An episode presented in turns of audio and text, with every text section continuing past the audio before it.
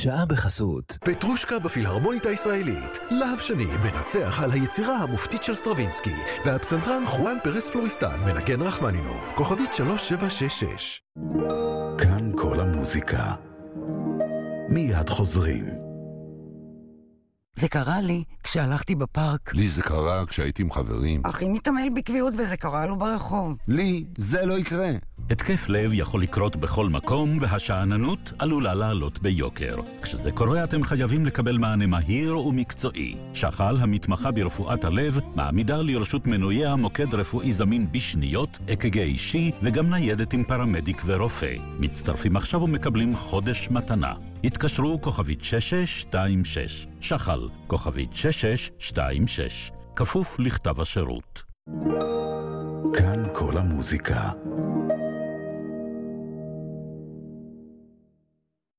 כאן כל המוזיקה.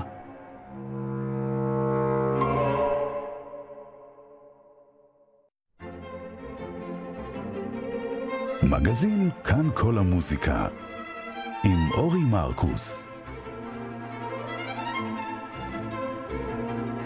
שלום לכם, מאזיני כאן כל המוזיקה. הנה עוד שבוע עבר לו, ושוב אנחנו במגזין שלנו, המשודר כאן, כמו בכל יום חמישי בשעה הזאת.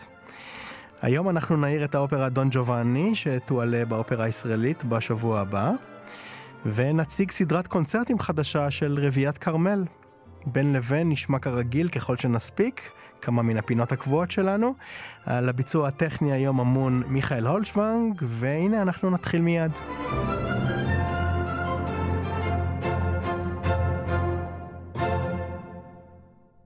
את המגזין שלנו נפתח עם הפרופסור יואל גרינברג, ראש המחלקה למוזיקה באוניברסיטת בר אילן, והוויולן של רביעיית כרמל, מן הגופים המוזיקליים החשובים והבולטים שלנו. אני שלום ביקש... אורי. שלום יואל, אני ביקשתי לשוחח איתך על סדרת קונצרטים חדשה שלכם, של רביעיית כרמל כמובן, שתיפתח אני מבין אה, ממש בשבוע הבא. נכון, אנחנו מתחילים ביום ראשון, מסיימים במוצאי שבת, ויש לנו סך הכל חמישה קונצרטים אה, בחמישה מקומות אה, ברחבי הארץ. ומה בתוכנית האומנותית הפעם? התוכנית הזאת כוללת ערבוב של רביעיות וחמישיות כלי קשת. כאשר אנחנו מבצעים שתי חמישיות מול שתי רביעיות, רביעייה אחת קטנה וחמישייה אחת קטנה, ויחד איתם אה, רביעייה אחת אולי יותר גדולה, גם לא מסיבית, עם אה, חמישייה באמת אה, כבדת משקל. אנחנו רצים בתוכנית הזאת מראשית המאה ה-19 ועד סוף המאה ה-20. מתחילים מהיצירה המוקדמת ביותר של נגן, היא רביעיית נעורים של שוברט, יצירה יפייפייה, שהוא כתב בגיל 16 או 17. שבאמת לא כל כך ברור למה היא לא כל כך מבוצעת, היא כל כך יפה, כמו שאמרת. ממש אה, נכון, מותק נכון. של מוזיקה. נכון, זה לא השוברט המיוסר שאנחנו מכירים בדרך כלל. Mm-hmm.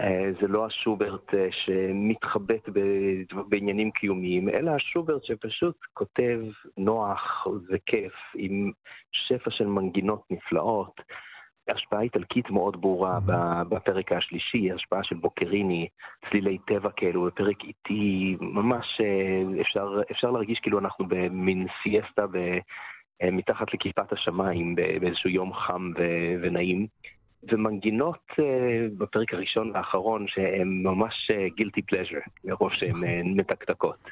מעניין לציין שהרביעייה הזאת אה, כתובה, תקן אותי אם אני טועה, כל ארבעת פרקיה כתובים אה, בדיוק באותו סולם, נכון? נכון, נכון, אני חושב שזה חלק מהנינוחות של היצירה, חוסר המתח שיש ביצירה הזאת.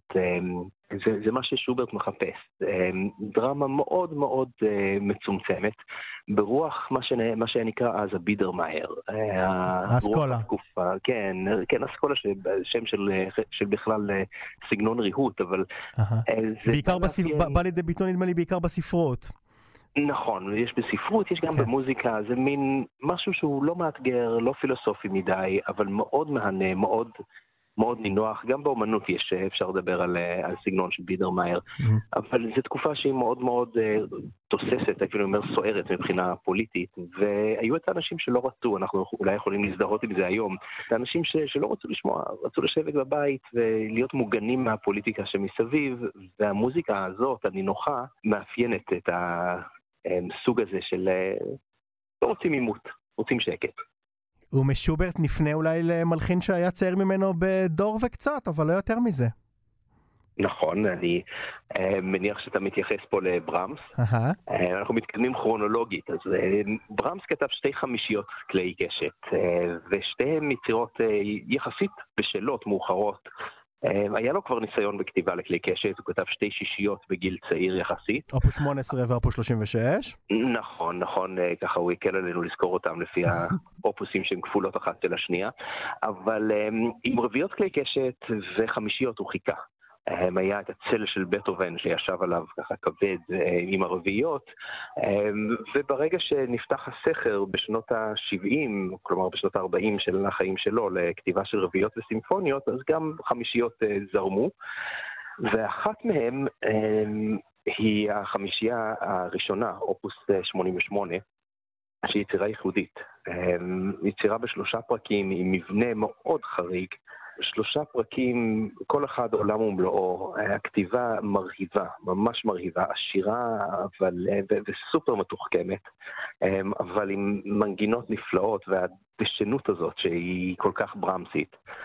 אולי הפרק המעניין ביותר פה אמ, הוא הפרק השני, שמבוסס על יצירה שהוא כתב בנעוריו, אה, סרבנד. הוא כתב מין סדרה של מחולות כשהוא היה, אמ, כשהוא היה צעיר. אה, וניסה פשוט להתנסות, אה, הוא רצה להתנסות בכתיבה נוסח באך, והוא כתב שני סרבנדים, שני ג'יגים אה, ושני גבותים, מחולות כאלו, שאנחנו פוגשים אותם בחלק מהיצירות שלו, לפחות בז'אנרים האלה של מחול, אבל פה זה ממש ציטוט מתוך הפרק הברוקי הזה. והפרק השני בנוי מין סוויטה כזאת, סוויטה ברוקית אבל עם רוח רומנטית מאוד. אז הסרבנד חוזר שוב ושוב, אבל באמצע יש לנו גם ג'יג וגם גבות. פרק נפלא שמקפל בתוכו גם את הפרק האיטי, את הפונקציה של פרק איטי וגם את הפונקציה של פרק ריקודי. אה, כך שליצירה בסופו של דבר יש רק שלושה פרקים במקום הארבעה שמקובל לכתוב, כי זהו, שניים מהם, אה, שניים מהם מקופלים בפרק אחד.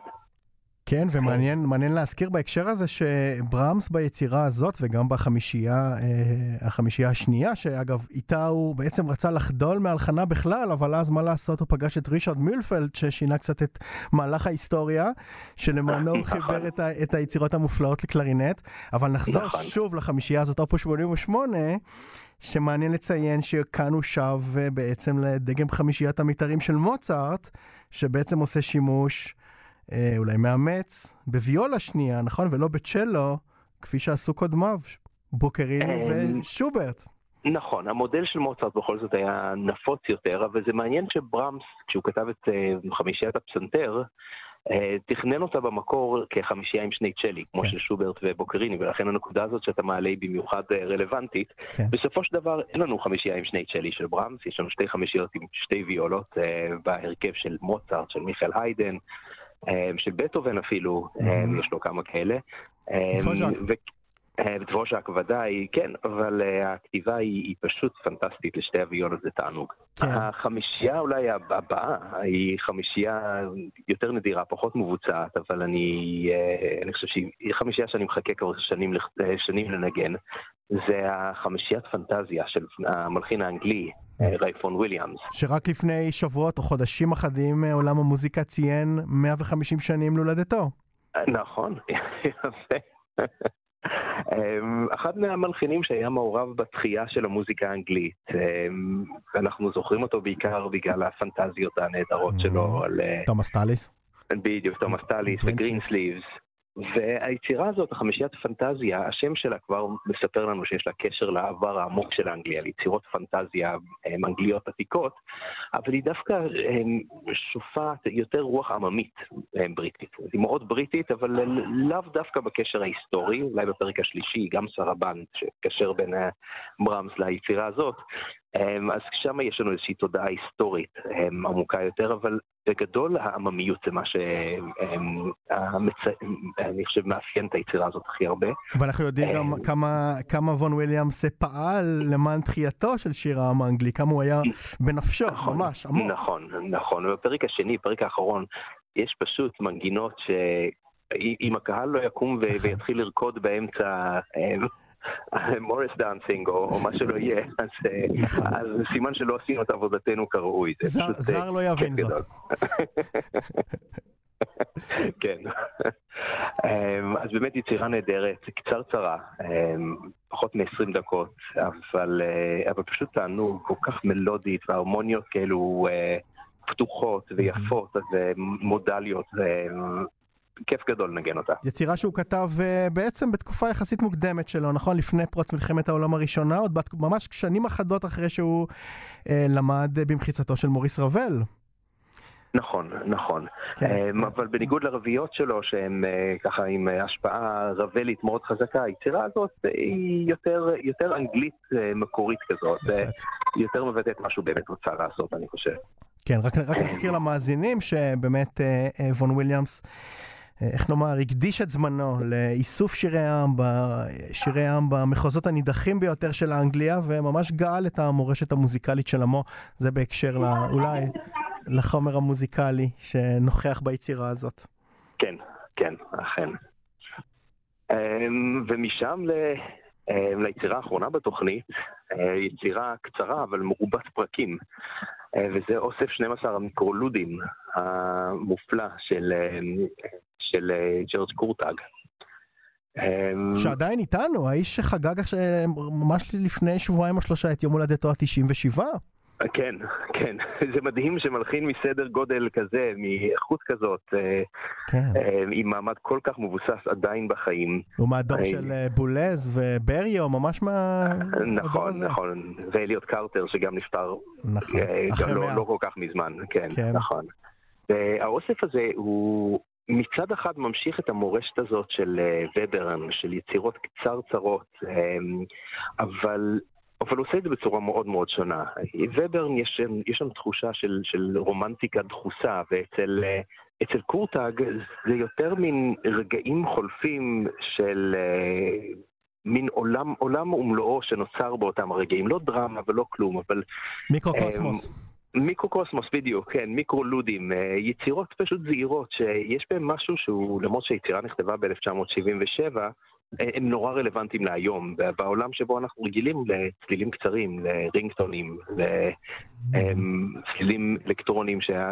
או לתקופה שבה טווח הריכוז שלנו לא עולה על חצי דקה עד דקה, אז פה ה-12 מיקרולודים שלו מסתיימים תוך פחות מ-10 דקות, ואף אחד מהם לא נמשך יותר מ-40 שניות. זו יצירה מרתקת, מרתקת לבצע ומרתקת למאזינים, כך שאני חושב שהיא משלימה פה תוכנית שזזה, נעה מהקלאסיקה הווינאית הנינוחה הזאת של שוברט, דרך הרומנטיקה העשירה של בראמס, לתוך העולם העממי הסופר מתרונן והשירתי של וון וויליאמס, ומסיים במשהו שהוא עדכני, ישר, קצר ולעניין, וככה מזוכח לגמרי. תמציתי ומרוכז ברוח סגנונו של אה, וברן ו- כן, ושל קורטג. פרופסור יואל גרינברג, אני רוצה מאוד להודות לך על השיחה הזאת, כמו תמיד, תענוג לשוחח איתך. תודה לך, אורי, זה תמיד תמיד גם לי. מעשיר ומלמד תמיד, ובאמת נשמע אולי משהו מהיצירה של וון וויליאמס, ששרנו אודותיה. איזה כיף. תודה רבה לך. תודה, אורי.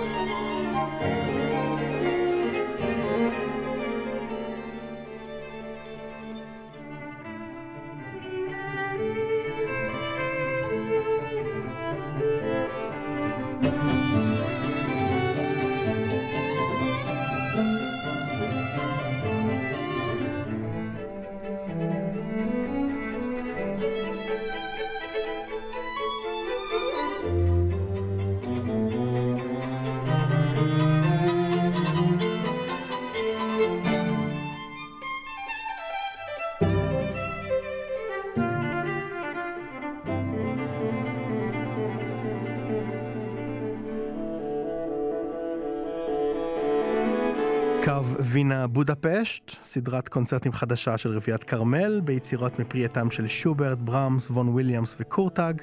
19 עד ה-23 במרס, הקונצרטים יתקיימו ברעננה, בחיפה, זיכרון יעקב, ירושלים ותל אביב.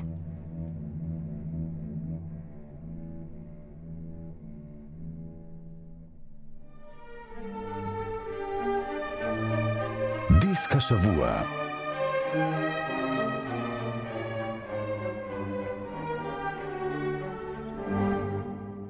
וכעת הגיעה שעתה של פינתו של עידו קרן.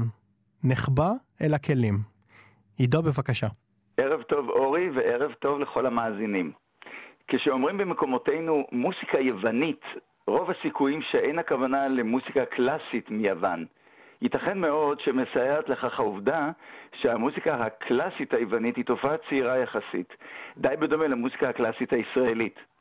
שני המלחינים הקלאסיים הייצוגיים ביותר של יוון הם ניקוס סקלקוטס ויאניס קסנקיס. נשמע יווני מאוד, הלא כן? הפינה הזו תעסוק אפוא הפעם בראשון והקשיש ביניהם, סקלקוטס. הוא נולד ביוון ב-1904 ומת בה ב-1949. את הקריירה המוסיקלית שלו החל כחנר.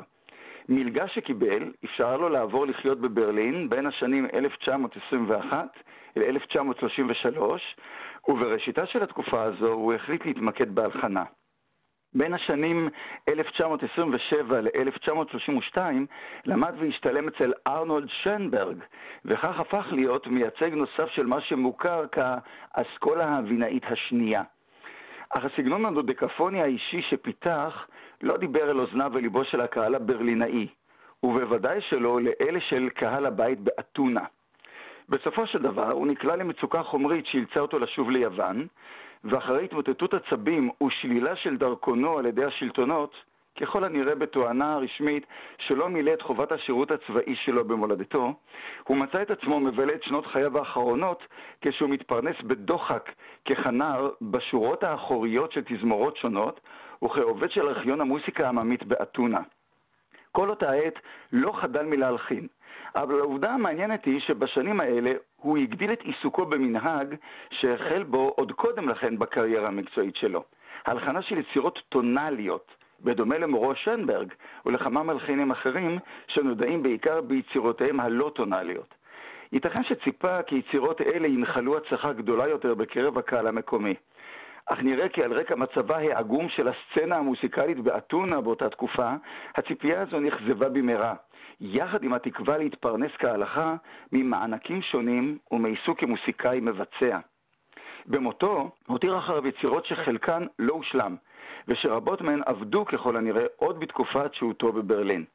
מה ששרד נותר בשיממונו לאורך שנים רבות, אך בעשורים האחרונים ממש עוד ועוד מיצירותיו זוכות להקלטה מסחרית, הן טונאליות והן לא טונאליות. בין אלה הטונאליות מצוי גם אוסף של 36 מחולות יווניים. שלא כמו במקרה של ברמס והמחולות ההונגריים שלו בשעתו, סקלקוטס משתמש ב-25 מתוך המחולות האלה בחומר עממי מקורי, אך הוא מעבד אותו בשלל דרכים אישיות ומקוריות, המבוססות בעיקר על פיתוח נושאי. כך גם רוב המחולות אינם בנויים במתכונת צורנית המקובלת והנפוצה של א' ב' א'. תחת זאת, כל אחד מהם יצוק בתבנית הנובעת מהחומר המוסיקלי האותנטי והמותאמת במיוחד לו. נאזין אפוא למחול השלישי מתוך האוסף, איפירוטיקוס. נשמע את התזמורת הסימפונית של ה-BBC בניצוחו של ניקוס חריסטודולו. ההקלטה יצאה בחברת ביס. בטוחני שאצל רבים מן המאזינים, הצלילים האלה ישאירו טעם חזק של עוד. האזינו בהנאה.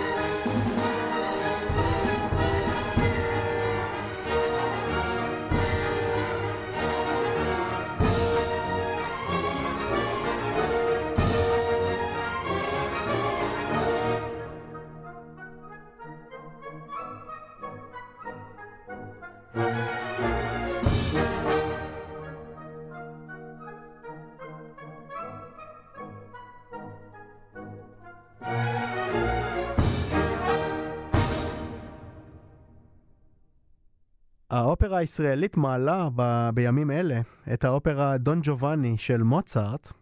העלאה הבימתית של האופרה הזאת במחוזותינו היא סיבה למסיבה, ואנחנו uh, שמחים לשוחח, איך לא, עם uh, מיכאל אייזנשטט, המתאם האומנותי של האופרה הישראלית, מאיזה שנה כבר, מיכאל? מי סופר? הרבה שנים. מה נשמע? בסדר גמור, תודה שהצטרפת אלינו. בשמחה.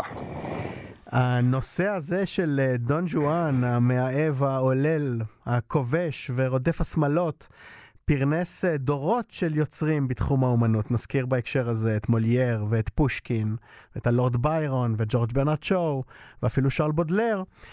אבל נדמה לי, ואולי תסכים איתי, שאף אחד לא הצליח להביא אותו למדרגה, המדרגה הגבוהה כל כך, שהביאו אותו הצמד מוצרט, וכותב על עברית הנאמן שלו, לורנצו דה פונטה. כן, נאמן זה אולי קצת מוגזם, זה בסך הכל הייתה הש... האופרה השנייה מהשלוש שהם עשו ביחד, כן. אבל כן, הוא בעצם, אין ספק שדה פונטה עוזר למוצרט להגיע לפסגות שהוא לא הגיע לפני כן. מוצרט, אנחנו יודעים טוב מאוד, היה רעב ללחם כל חייו. הוא רצה לכתוב לא רק כדי ליצור, או אולי בכלל לא כדי ליצור, אלא כדי להרוויח כסף. הוא היה חייב כסף, הוא היה חייב לחיות בצורה כזאת ואחרת, לפרנס את עצמו, לפרנס את משפחתו, אישה וילדים. אה, כשיש לו אבא מאוד מאוד נוקשה מעליו, שכל הזמן נוזף בו שהוא לא בעצם אה, ממלא את הפן הזה בחיים שלו, ויש לו אישה מאוד כועסת שהוא לא ממלא, והוא לא מצליח לקבל משרה אה, בווינה, שהכסף בצידה. הוא בעצם עזב את זלצבורג לווינה. הוא עזב את זלצבורג לווינה בתקווה ששם הוא יצליח איכשהו להרוויח. כן. זה שמוצרט הוא גאון, כולנו יודעים, אין על זה ויכוח. זה שהוא גאון שהלך אה, מאיתנו בדמי ימיו, ורק אנחנו יכולים לנסות לתאר מה הוא היה כותב, לו הוא היה ממשיך לחיות, גם כן זה ברור. אבל מה שמעניין אצל מוצרט, מלחין האופרה, זה שבעצם כל האופרות שהוא כתב עד לנישואי פיגארו ואז ג'ובאני וכך עושות כולן, השלוש האלה עם דה פונטה, היו אופרות ש... הוא כתב בלית ברירה, הוא כתב אותם כי הזמינו ממנו יצירות וזו הייתה הדרך להרוויח כסף. אבל הוא ממש תיאר, אני חושב שאני לא מגזים במילה, את המדיום הזה כפי שהוא היה בא לידי ביטוי בווינה ובכלל בימי חייו. הוא טען שזה משהו מיושן, הוא טען שזה לא מעניין, הוא טען שאין בזה שום דרמה, ו... הוא לא יכול היה כמעט לצאת נגד זה כי ביקשו ממנו לכתוב זינגשפיל, אז הוא כותב החטיפה מן הארמון, ביקשו ממנו לכתוב אופרה סריה שהוא בכלל תאב את המדיום הזה, שהוא ארכאי לחלוטין, אז הוא כותב את אידומנאו, הוא אפילו חוזר בסול לזה אה, בשנתו האחרונה עם רחמיו של טיטוס, mm-hmm. אבל הוא עושה את זה כי הוא קיבל עוד פעם הזדמנות להרוויח כסף. ובפעם הראשונה, ביחד עם דה פונטה, הוא כאילו בא ואומר, אוקיי, עכשיו אני כותב מה שאני רוצה, עכשיו אני כותב מה שאני מאמין, ו... כל מי שזה לא נראה לו, בעיה שלו. זה היה קצת מסוכן, כי בווינה היו כללים מאוד ברורים מה כן מותר לעשות באופרה ומה אסור לעשות באופרה, ולכן לא היה לו כל כך פשוט להעלות את נישואי פיגארו ולהגיע עם זה למה שהוא רצה, אבל ההצלחה של פיגארו בווינה, למרות שחשוב לציין שמדובר באופרה בופה, כלומר אופרה שמבוססת על מצבים קומיים ועל טקסטים של קומדיות שהקהל אמור להבין אותם, והקהל שישב וצפה בזה בווינה לא הבין ולו חצי מילה באיטלקית. כך שמבחינתם לא היה להם מושג על מה האופרה באמת ומה מדברים, מה מדברות הדמויות, שרות הדמויות על הבמה, ועדיין האופרה זוכה בהצלחה, ואז הוא מקבל את ההזמנה הנוספת מפראג, והוא כותב את דון ג'ובאני עבור פראג, וההצלחה אדירה, ומגיעה מיד חזרה לווינה גם כן עם בכורה נוס, כאילו השנייה של דון ג'ובאני, וההצלחה הגדולה כי הוא בעצם אומר ככה צריכה להיות אופרה. אופרה זה דרמה פר מוזיקה. אופרה mm-hmm. זה דרמה שמגיעה דרך המוזיקה, וסוף סוף בשלוש האופרות האלה הוא מצליח לייצר את זה, בעיקר כי הוא עוסק בשני התחומים שמבחינתו הכי מעניינים, והיום במאה ה-20-21 נורא קל לנו להבין את זה, כי זה מעניין אותנו בכל כמעט תחום אומנותי גבוה יותר או נמוך יותר מערוצי ויבה ועד לרומנים כאלה ואחרים. מוצרט זאת אומר, מה שמעניין זה המתח בין המינים והמתח בין המעמדות. או, בשפה אחרת, בוא ניקח את האופרה אל חדר המיטות. נרד מהאולימפוס, לא מעניין מה האלים עושים, בואו נראה מה המשרתות עושות עם האדונים, מה המשרתים עושים עם המשרתות, בואו נראה פיסת חיים עצמה. הרבה לפני שמישהו ידע שיש דבר כזה שנקרא וריזמו, מה שמוצרט בעצם אומר זה אני רוצה וריזמו חי, תוסס, נוקב על הבמה, ובדון ג'ובאני אולי עושה את זה הכי טוב. וכל זה בתנופה אדירה, בעוצמה דרמטית, בעומק ובמורכבות שאין למעלה ממנה. מה שמוצרט מנסה להגיד לנו בדרמה פר מוסיקה שהוא מנסה ליצור, זה הוא אומר, חבר'ה, מה שמעניין זה מה שקורה עם הדמויות. תעזבו רגע את המוזיקה בצד, למרות שהוא המלחין כמובן. תעזוב את הקרשנדי, נעזוב את זה שהאופרה צריכה להסתיים בסימן קריאה תזמורתי היסטורי ענק. בואו נסיים את האופרה בסימני שאלה. ובדון ג'ובאני זה לא רק נסיים את האופרה בסימני שאלה, זה בואו נתחיל אותה בסימני שאלה. שום דבר לא ברור, הכל אמביוולנטי, הכל יכול להיות כך, הכל להיות אחרת. זו הגדולה של דרמה. כך נוצרת דרמה. אני רואה את זה ככה, אתה רואה את זה אחר, והצופים יראו את זה בצורה אחרת.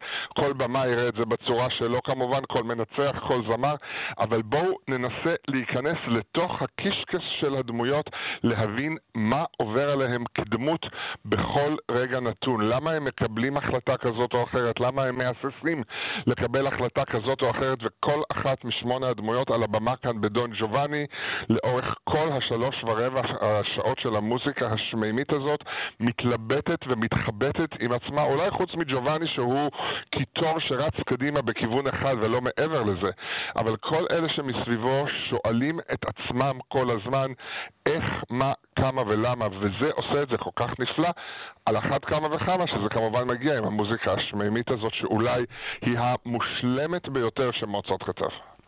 אם אפשר לבחור אה, אופרה אחת מבין השלוש על אחרת, כמובן. כן, אז אתה יודע, כולה, אז יהיו כאלה שיגידו שמבחינה מוזיקלית ג'ובאני היא המושלמת בגלל הקטעים המוזיקליים כמו הסקסטט ואחרים שיש בו. אחרים יגידו שכיצירה מלאה מההתחלה ועד הסוף, זה אולי פיגארו. כולן היא המושלמת, ומבחינה דרמטית פיגארו היא המושלמת. אז אה, כל, זה הכל תהליכים ביצירה, אבל זה הכל תהליך שמתפתח ממלחין מתוסכל שבא ורוצה לעשות מהפכה, כמו פיגארו הדמות. וזה שנתיים לפני המהפכה הצרפתית. בדיוק, ונכשל מבחינת התגובה של הקהל מסביב, כי אחרי מוצרט כל הגישה הזאת נעלמת לחלוטין, והיא חוזרת אלינו אי שם בסוף המאה ה-19, כשכולם מבינים עד כמה מוצרט בעצם צדק. אגב, ראוי uh, לציין שמוצרט ודה פונט uh, לא בחרו בנושא הזה של דון ג'ואן במקרה. אולי חלק מהמאזינים שלנו לא יודעים את זה, אבל זה היה נושא מאוד חם שהעסיק את טובי מלחיני האופרה בשנים האלה, שנות ה-70 וה-80 של המאה ה-18. ככה, למשל, חודשים אחדים לפני הפרמיירה של דון ג'ובאני, עלתה בוונציה אופרה בשם הזה בדיוק, דון ג'ובאני, מאת אחד ג'וזפה גצניגה. ועוד לא מעט, מעטים נוספים, ולא נכון. רק מלחיני אופרה, כן, גם אה, אה, סופרים ומחזאים, כן. כמו שהתחלנו בשיחה שלנו, דון חואן מאז המאה ה-14. המקור הספרותי הוא בספרד, של אה, טירסו דה מולינה. בדיוק, אי שם בספרד, אה, כן. וזה הולך ופורח, וזה לא נעצר גם. אצל מוצרט, ואני חושב, אמרת קודם, שוב, אמרת בהתחלה, שאין ספק שמוצרט ודה פונטה לקחו את הדמות הזאת, את הסיפור הזה, ל... לדברים שאי אפשר לגעת בהם, אבל מי שמתקרב לזה בכיוון אחר לגמרי ועושה את זה בצורה אחרת לגמרי זה ריכרד שטראוס שכותב את הפואמה שלו כן. על דון ג'ואן בלי קולות במקרה הזה. פואמה סימפונית. פואמה סימפונית והוא מתאר ג'ובאני שונה לחלוטין, הרבה יותר פילוסופי מזה של מוצרט שהוא הרבה הרבה יותר יצרי, אבל מה שאני רוצה להדגיש זה הדמות הזאת כל כך דיברה אל כל יוצר כמעט בכל תחום ובכל ז'אנר כך שהוא מככב בכל מקום אה, שנרצה, ועד ליוצרים ויוצרי קולנוע וטלוויזיה במאה ה-20 ובמאה ה-21 שלא לא יכולים להינתק ממנו. כן, זו כמובן אינה הפעם הראשונה שאופרת הענקים הזאת מועלית אצלנו כאן. אני זוכר למשל את ההפקה הרחוקה, רחוקה מאוד כבר, משנת 1994 בניצוחו של גארי ברטיני עליו השלום. נכון. הפקה שזכתה ללא מעט עדים ואפילו הונצחה בסרט שהוצג בטלוויזיה הישראלית, אתה זוכר? נכון, לגמרי. ואחר כך, אחרי כמה שנים אתם העליתם עוד הפקה שאני זוכר אה, בבימויו של מיכה לוינסון. מיכה לוינסון עליו השלום גם כן. שהייתה יותר לוקאלית אה, עכשווית, נכון? ברוח שלה. היא לא הייתה עכשווית דווקא, היא הייתה מאוד מאוד צבעונית עם תפאורה של רוני טורי ובעיקר תלבושות מהממות של בוקי שיף. כאילו היו בה אלמנטים עכשוויים, אבל היא בעצם הייתה גם כן על-זמנית, כי באמת זה סיפור על-זמני, וההפקה עכשיו של קספר הולטן שמגיעה אלינו כבר בפעם השנייה, אה, לאחר 7-8 שנים שהצגנו אותה בפעם הקודמת, היא לוקחת שוב, היא לוקחת אמצעים עכשוויים של הקרנות ושל וידאו, לספר את הסיפור האלמותי הזה עם תלבושות של אניה ונקרגה האגדית שלוקחות את זה כאילו יותר לתקופה הוויקטוריאנית. אה, ומה שאולי מעניין בהפקה הזאת, שאם דיברנו קודם על האמביוולנטיות באופרות של מוצרט, שהיא כל כך כל כך חשובה ומרכזית, זה שהולטן בתפיסה שלו נותן לנו לא מעט תשובות לשאלות בעצם שהן מאוד פתוחות ולא פתורות אצל מוצרט עצמו. Uh, וזה מעניין, ואני לא אגלה כדי שכל אחד שיבוא יראה את זה ויבין ויגלה רמז כזה או אחר, אבל אני חושב שאולי... אנחנו יודעים שפוצ'יני, כשאנחנו מדברים על האופרות שלו, היה מאוהב בגיבורות שלו. בגיבורות הסופרנו, הזמרות האלה שהדמויות האלה, לא משנה באיזה גיל הן ובאיזה חברה הן גרות, מתות מאהבה, אוהבות עד כלות ומשלמות על המחיר הזה בחייהן. מוצרט גם כן היה מאוהב בגיבורות שלו מאוד מאוד, אין ספק שהמוזיקה השמימית ביותר שהוא כותב בכלל ובשלוש האופרות עם דה פונטה הנפלאה ביותר היא המוזיקה לגיבורות שלו ולא לגיבורים, אבל מה שמעניין שבדון ג'ובאני האופרה נקראת דון ג'ובאני. הגיבור הוא דון ג'ובאני, ובעצם אין לו אף אריה אחת. הוא על הבמה כל הזמן, הוא שר בדואטים, הוא שר באנסמבלים, הוא שר בקנסונטה כזאת, הוא שר במיני אריה כזאת, לכל הדמויות, אפילו אוטביו. אה, אוטביו יש לו שתי אריות, לצרלינה יש שתי אריות, לאלווירה יש אריות, לכולם יש אריות, כן. ולג'ובאני אין אריות, ואני חושב שזה ממש ממש ממש לא מקרי, זו הביקורת. הפנימית והאומנותית של מוצרט על הדמות, שהוא שהיא לא דמות שאפשר להתפעל בה, כאילו המשרת מספר לנו כמה uh, כיבושים יש לו מפה ועד להודעה חדשה. הנשים רודפות אחריו, ומוצרט בא ואומר, נכון, זה הסיפור, זה המיתוס, אבל הוא לא באמת גיבור אמיתי, ולכן הוא גם לא מקבל את האריה האמיתית שלו. מיכאל אייזנשטט, המתאם האומנותי של האופרה הישראלית, תודה רבה על הדברים המעניינים האלה שאמרת לנו. ואני רוצה להזכיר את מה שאמר אה, ג'ורג' בנארד שואו, שאהב את מוצרט אה, עד כלות. אתה זוכר מה הוא אמר על דון ג'ובאני? תזכיר לי, כי זה בטח רשום לך עכשיו. הוא אמר שזאת יצירת האומנות הגדולה ביותר שנכתבה בידי בן אנוש בכל ההיסטוריה של התרבות האנושית כולה. כשג'ורג' ברנרד שואו גם הוא מתעסק עם דון ג'ואן. סופרסטאר. אה, בדיוק כן. אצלו, ונזכיר רק אם כבר שפתחנו את העונה הזאת באופרה הישראלית בסיפורי הופמן של אופנבך, עוד מלחין שהעריץ את מוצרט בכלל ואת דון ג'ובאני בפרט, וההקשרים והחיבורים בין נכון. האופרות האלה ברורים ביותר כל הזמן. מעניין שדווקא בטהובן, אגב, אה, לא כל כך סימפט את האופרה הזאת, כמו את אה, אגב, הוא פחות אהב את, ה... את שתיהן. נכון, אבל מה לעשות, בטהובן גם לא היה מלחין אופרות, ומצד שני הוא הלחין מוזיקה שממית אחרת.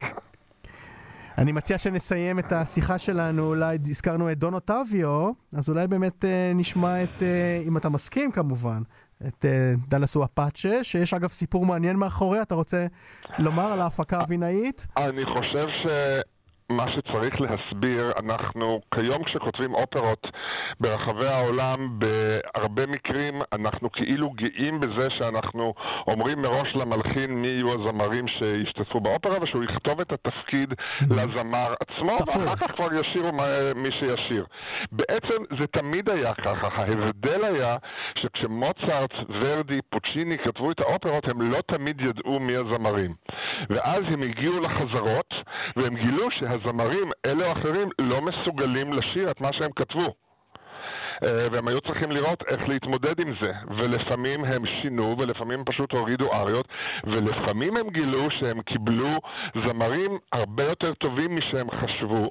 ומוצרט, כשהוא מגיע, אחרי ההצלחה בפראג עם דון ג'ובאני, מגיע לווינה, פתאום מגלה שאפשר להוסיף עוד קצת ואפשר לתת עוד, והוא כותב עוד אריות, ומאז כל במאי וכל מנצח שבאים לעשות דון ג'ובאני, יש להם בעצם פלטה של קטעים מוזיקליים שהם מחליטים עד כמה הם רוצים להשתמש בהם או בכולם, שזה קשור תמיד בבמאי, במנצח ובמבצע שעומד לרשותם.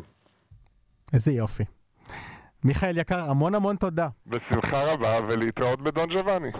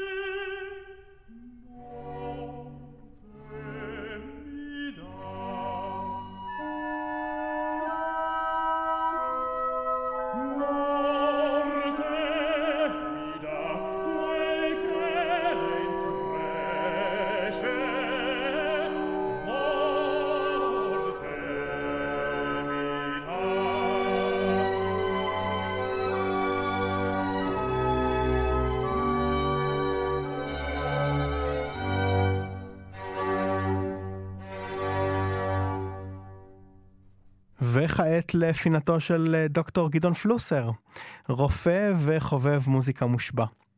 גדעון יספר על כמה קונצרטים שנכח בהם לאחרונה. גדעון, בבקשה. שלום לכל, שמי גדעון פלוסר, חובב מוזיקה באשר היא, ביצועים חיים או מוקלטים. לפי הנשמע בזמן האחרון, התזמורות על הטיטניק מנגנות לגמרי לא רע, לפחות בינתיים. לפני כשבועיים שינסתי מותניי ועליתי שוב לירושלים. התזמורת הסימפונית המקומית ניגנה קונצרט של מוזיקה רוסית במסגרת סדרה המוקדשת למוזיקה בזמן הסובייטי. לאחר קטעים מרומיאו ויוליה של פרוקופייב, ניגן הצ'לן הוותיק מישה מייסקי את הקונצ'רטו הראשון של שוסטקוביץ'. פינוק נדיר, לשמוע את היצירה הפנומנלית הזאת פעמיים תוך זמן כל כך קצר, ובביצוע נפלא, אחרי שניגן אותה סטיבן איסרליס לא מזמן. מבחינה טכנית מייסקי הוא כבר מעט אחרי שיאו, לא הרבה, אבל הנשמה, הנשמה. הביצוע היה מרטיט. לאחר מכן ניגנה התזמורת בניצוחו של קונדרד ון אלפן, הולנדי שחי זמן רב ברוסיה, את הסימפוניה התשיעית של שוסטקוביץ', יצירה מקסימה, מלאת ציניות והומור, חלקו די שחור, ניגוד לכדרות של הקונצ'רטו לצ'לו. התזמורת ניגנה בסדר, לא הרבה יותר, אבל היה יותר משווה את הנסיעה כדי לשמוע את היצירות ואת מייסקי. יומיים אחר כך הפגנתי נוכחות בקפלן, אבל הברזתי משם להיכל התרבות. עם הפילהרמונית ניגנה הכנרת הנורבגית הנהדרת וילדה פרנג, את הקונצ'רטו של אלגר. זאת יצירה ענקית, כ-50 דקות אורכה, המהווה אתגר לא קטן למבצע ואולי גם למאזינים הנדרשים בסבלנות. אבל זו משתלמת. זו יצירה רומנטית מאוחרת, היא נכתבה ב-1909 עבור פריץ קרייסלר, ויפהפייה. פרנק שלטה בה והנגינה הייתה מושלמת, גם טכנית, ויותר מכך, הרגש והיופי פרצו מהנגינה. ניצח על הקונצרט ממש מצוין אילן וולקוב, שהחליף את אוסמו ונסקה הפיני שנחבל ולא הגיע. הוא ניצח גם על פתיחה של נילסן ועל קטעים מפרגין, קונצרט מהנה מאוד. כעבור מספר ימים בתוכנית נוספת של הפילהרמונית, שגם עליה היה אמור לנצח ונסקה, ניצח במקומו הצרפתי ליונל בריגנגיה. אבל העיקר הייתה הופעתו של הכנר הצעיר יאמן סעדי. סעדי, בן 24, יליד נצרת וכישרון ענק. הוא למד באקדמיה של ברנבוים סעיד בנצרת, ואצל חיים טאוב הוותיק, והוביל את תזמורת מזרח-מערב של ברנבוים. שמענו אותו מספר פעמים בעבר, והנסיקה שלו אדירה. הוא מונה לאחרונה לתפקיד הקונצרט מייסטר של הפילהרמונית של וינה ותזמורת האופרה של וינה, תפקיד שכמעט אין כמותו. סעדי ניגן את הקונצ'רטו לכינור של שוסטקוביץ', כן, עוד פעם שוסטקוביץ' ולא בפעם האחרונה. היצירה היא אחת הגדולות מיצירותיו של המלחין, ויש בה כל הכאב האינסופי, המקבריות והפסימיות שיש בשוסטקוביץ'. הביצוע היה, איך אומרים הצעירים והלא כל כך צעירים, מהמם, באמת, אין מילים. חוויה צורבת וכואבת וגם מרוממת. נפלא לראות שגדלים כאן מוזיקאים נהדרים כמו סעדי. זובין מטה אמר פעם בריאיון שאחד מכישלונותיו הוא שאין בפילהרמונית עדיין נגן ממוצא ערבי.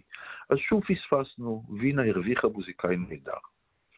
ושוב שקשקו גלגלי הרכבת לירושלים. בימקה נגנה רביעיית בלצ'ה המהוללת, תוכנית שכללה רביעייה מוקדמת של שוברט, רביעייה עכשווית של המלחין הצרפתי גיום קונסון, ואת הרביעייה של דביסי.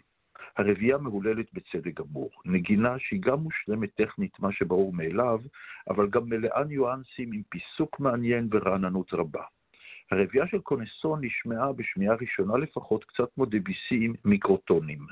וכעבור יומיים שוב בתל אביב רביעיית בלצ'ה נתנה תוכנית נוספת, רביעייה של היידן, הרביעייה השמינית של שוסטקוביץ', כן, פעם רביעית תוך שבועיים, ורזומובסקי הראשונה של בטהובן. הרביעייה השמינית של שוסטקוביץ', אולי הידועה ברביעותיו, היא אחת היצירות המטלטלות שלו, מלאה ריח של מוות, אבל גם אי השלמה עם הרע. נראה לי שמי שלא דמה בזמן הנגינה של בלצ'ה, ליבו עשוי מגבבה או מאבן. גם היצירות האחרות היו מזהירות ומרתקות, אחד הקונצרטים הקאמרים הנפלאים מזה שנים. ולסיום ברצוני להמליץ על יצירה. אחרי ארבע יצירות מופת של שוסטקוביץ', הגיוני היה להמליץ על אחת מהן. אבל אחרי ששמעתי את הרביעיות של היידן, שיניתי את דעתי. היידן, ואני אומר זאת שנים רבות, הוא מביא האושר הגדול ביותר בעולם. יצירותיו מקוריות, מלאות חוכמה אינסופית ומרוממות רוח. כשמנוגנת יצירה שאינני מכיר היטב, אני נוהג לעשות שיעורי בית לפני הקונצרט ולהקשיב. כשהקשבתי לרביעייה אופוס 20, מספר 2, נשמטה לי הלסת. זו אחת המוקדמות ביצירותיו, אבל כמה היא מודרנית. אחרי פרק ראשון זורם מגיע פרק אדאג'ו המכונה על ידי המכשיר קפריצ'ו, שינויי מצב רוח וקצב עם מתח פנימי, ומשם המוזיקה ממשיכה למינואט, שונה כמעט מכל מינואט. קצב פנימי שנשמר גם ברגעים דוממים ושינויי מהירות. מדהים באמת. ובסוף פוגה מקפצת ומרקדת. שוב, משהו שלא שמענו כמותו. וזה רק חלק משש הרביעיות אופוס 20 מופלאות אחת-אחת. אז נשמע את הפוגה המרנינה מאופוס 20 מספר 2 של היידן, המתחילה בשקט ושומרת עליו עד הסוף המהדהד, ושאז נהנה ממוזיקה ללא הפסק וכל הזמן. להתראות.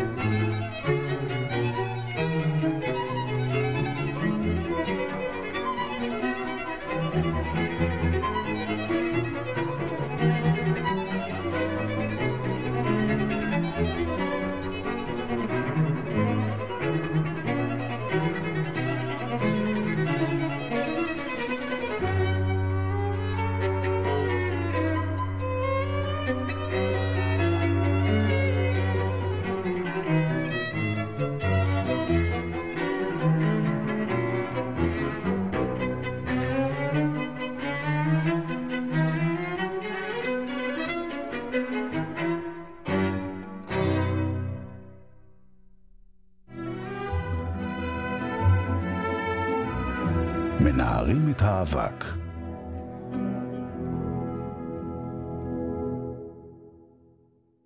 את אה, תוכניתנו נחתום במחווה צנועה לאיגור מרקביץ', מגדולי המנצחים במאה ה-20, שהשבוע מלאו 40 שנים למותו.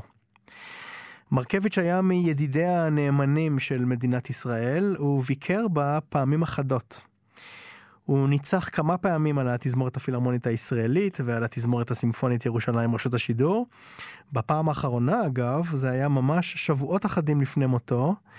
הוא הגיע הנה וניצח בבנייני האומה לסימפוניה הראשונה של גוסטב מאלר, עם תזמורת ירושלים, ביצוע שהותיר אז רושם גדול מאוד. באותו ביקור הוזמן לאולפני כל ישראל בירושלים לדבר על חייו ועל אומנותו. נשמע קטע מההקלטה הנדירה הזאת, שנעשתה כאמור שלושה חודשים לפני מותו, בחודש נובמבר 1982, איגור מרקביץ', לזכרו. שלום לכם מאזינות ומאזינים.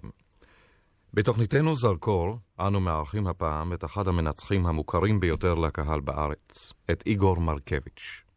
לאחר שנים רבות שבהן הופיע עם התזמורת הפילהרמונית, ניצח מר מרקביץ' בפעם הראשונה על תזמורת ירושלים, רשות השידור. בתחילת שיחתנו עמו, שאלנו את מר מרקביץ', מתי בא לארץ לראשונה? Listen, I think that the first time I came to Israel it was uh, 26 or 27 years ago. Then I came very often with uh, Israel Philharmonic Orchestra. I think I have made about uh, 80 concerts altogether. And um, with um, Jerusalem's uh, orchestra, I had already a first cooperation for conducting chorus two years ago. אני חושב שבפעם הראשונה באתי לישראל לפני 26-27 שנה. אז הייתי בא לעיתים קרובות. עם התזמורת הפילהרמונית עשינו בסך הכל אולי 80 קונצרטים, ועם התזמורת הירושלמית עבדתי לראשונה במסגרת קורס לניצוח שנתתי כאן לפני כשנתיים. אבל עכשיו זו הפעם הראשונה שניגענו יחד בקונצרט. לפני שנה היית אמור לנצח כאן על התזמורת שלנו בקונצרט הפתיחה של העונה. הופעתך אז התבטלה. מה אתה יכול לספר לנו על כך?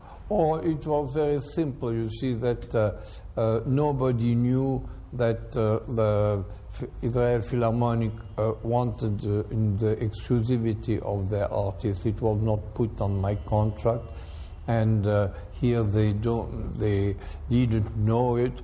But uh, after they have arranged that, and I promised to come for at the first occasion, and I am here now. או, oh, זה היה פשוט מאוד. איש לא ידע שהפילהרמונית דורשת בלעדיות של אומנים. זה לא היה כתוב בחוזה שלי, וגם כאן לא ידעו על כך. אבל העניין סודר, ואני הבטחתי לבוא בהזדמנות הראשונה, והנה אני כאן. לגבי דידי זו הייתה אי-הבנה. אני בטוח שלא היה תקדים לכך שאומן יוזמן על ידי התזמורת של רשות השידור חודש בלבד לפני הופעתו עם הפילהרמונית, ולפילהרמונית היה מאוד לא נוח שהופיע כאן חודש לפני שהופעתי איתם. דברים כאלה קורים בכל מקום. מאסטרו מרקביץ', לאחר שאתה מופיע כאן שנים כה רבות, הרשה לי לשאול אותך, האם אתה מוצא בתזמורת שלנו משהו מיוחד, משהו ייחודי?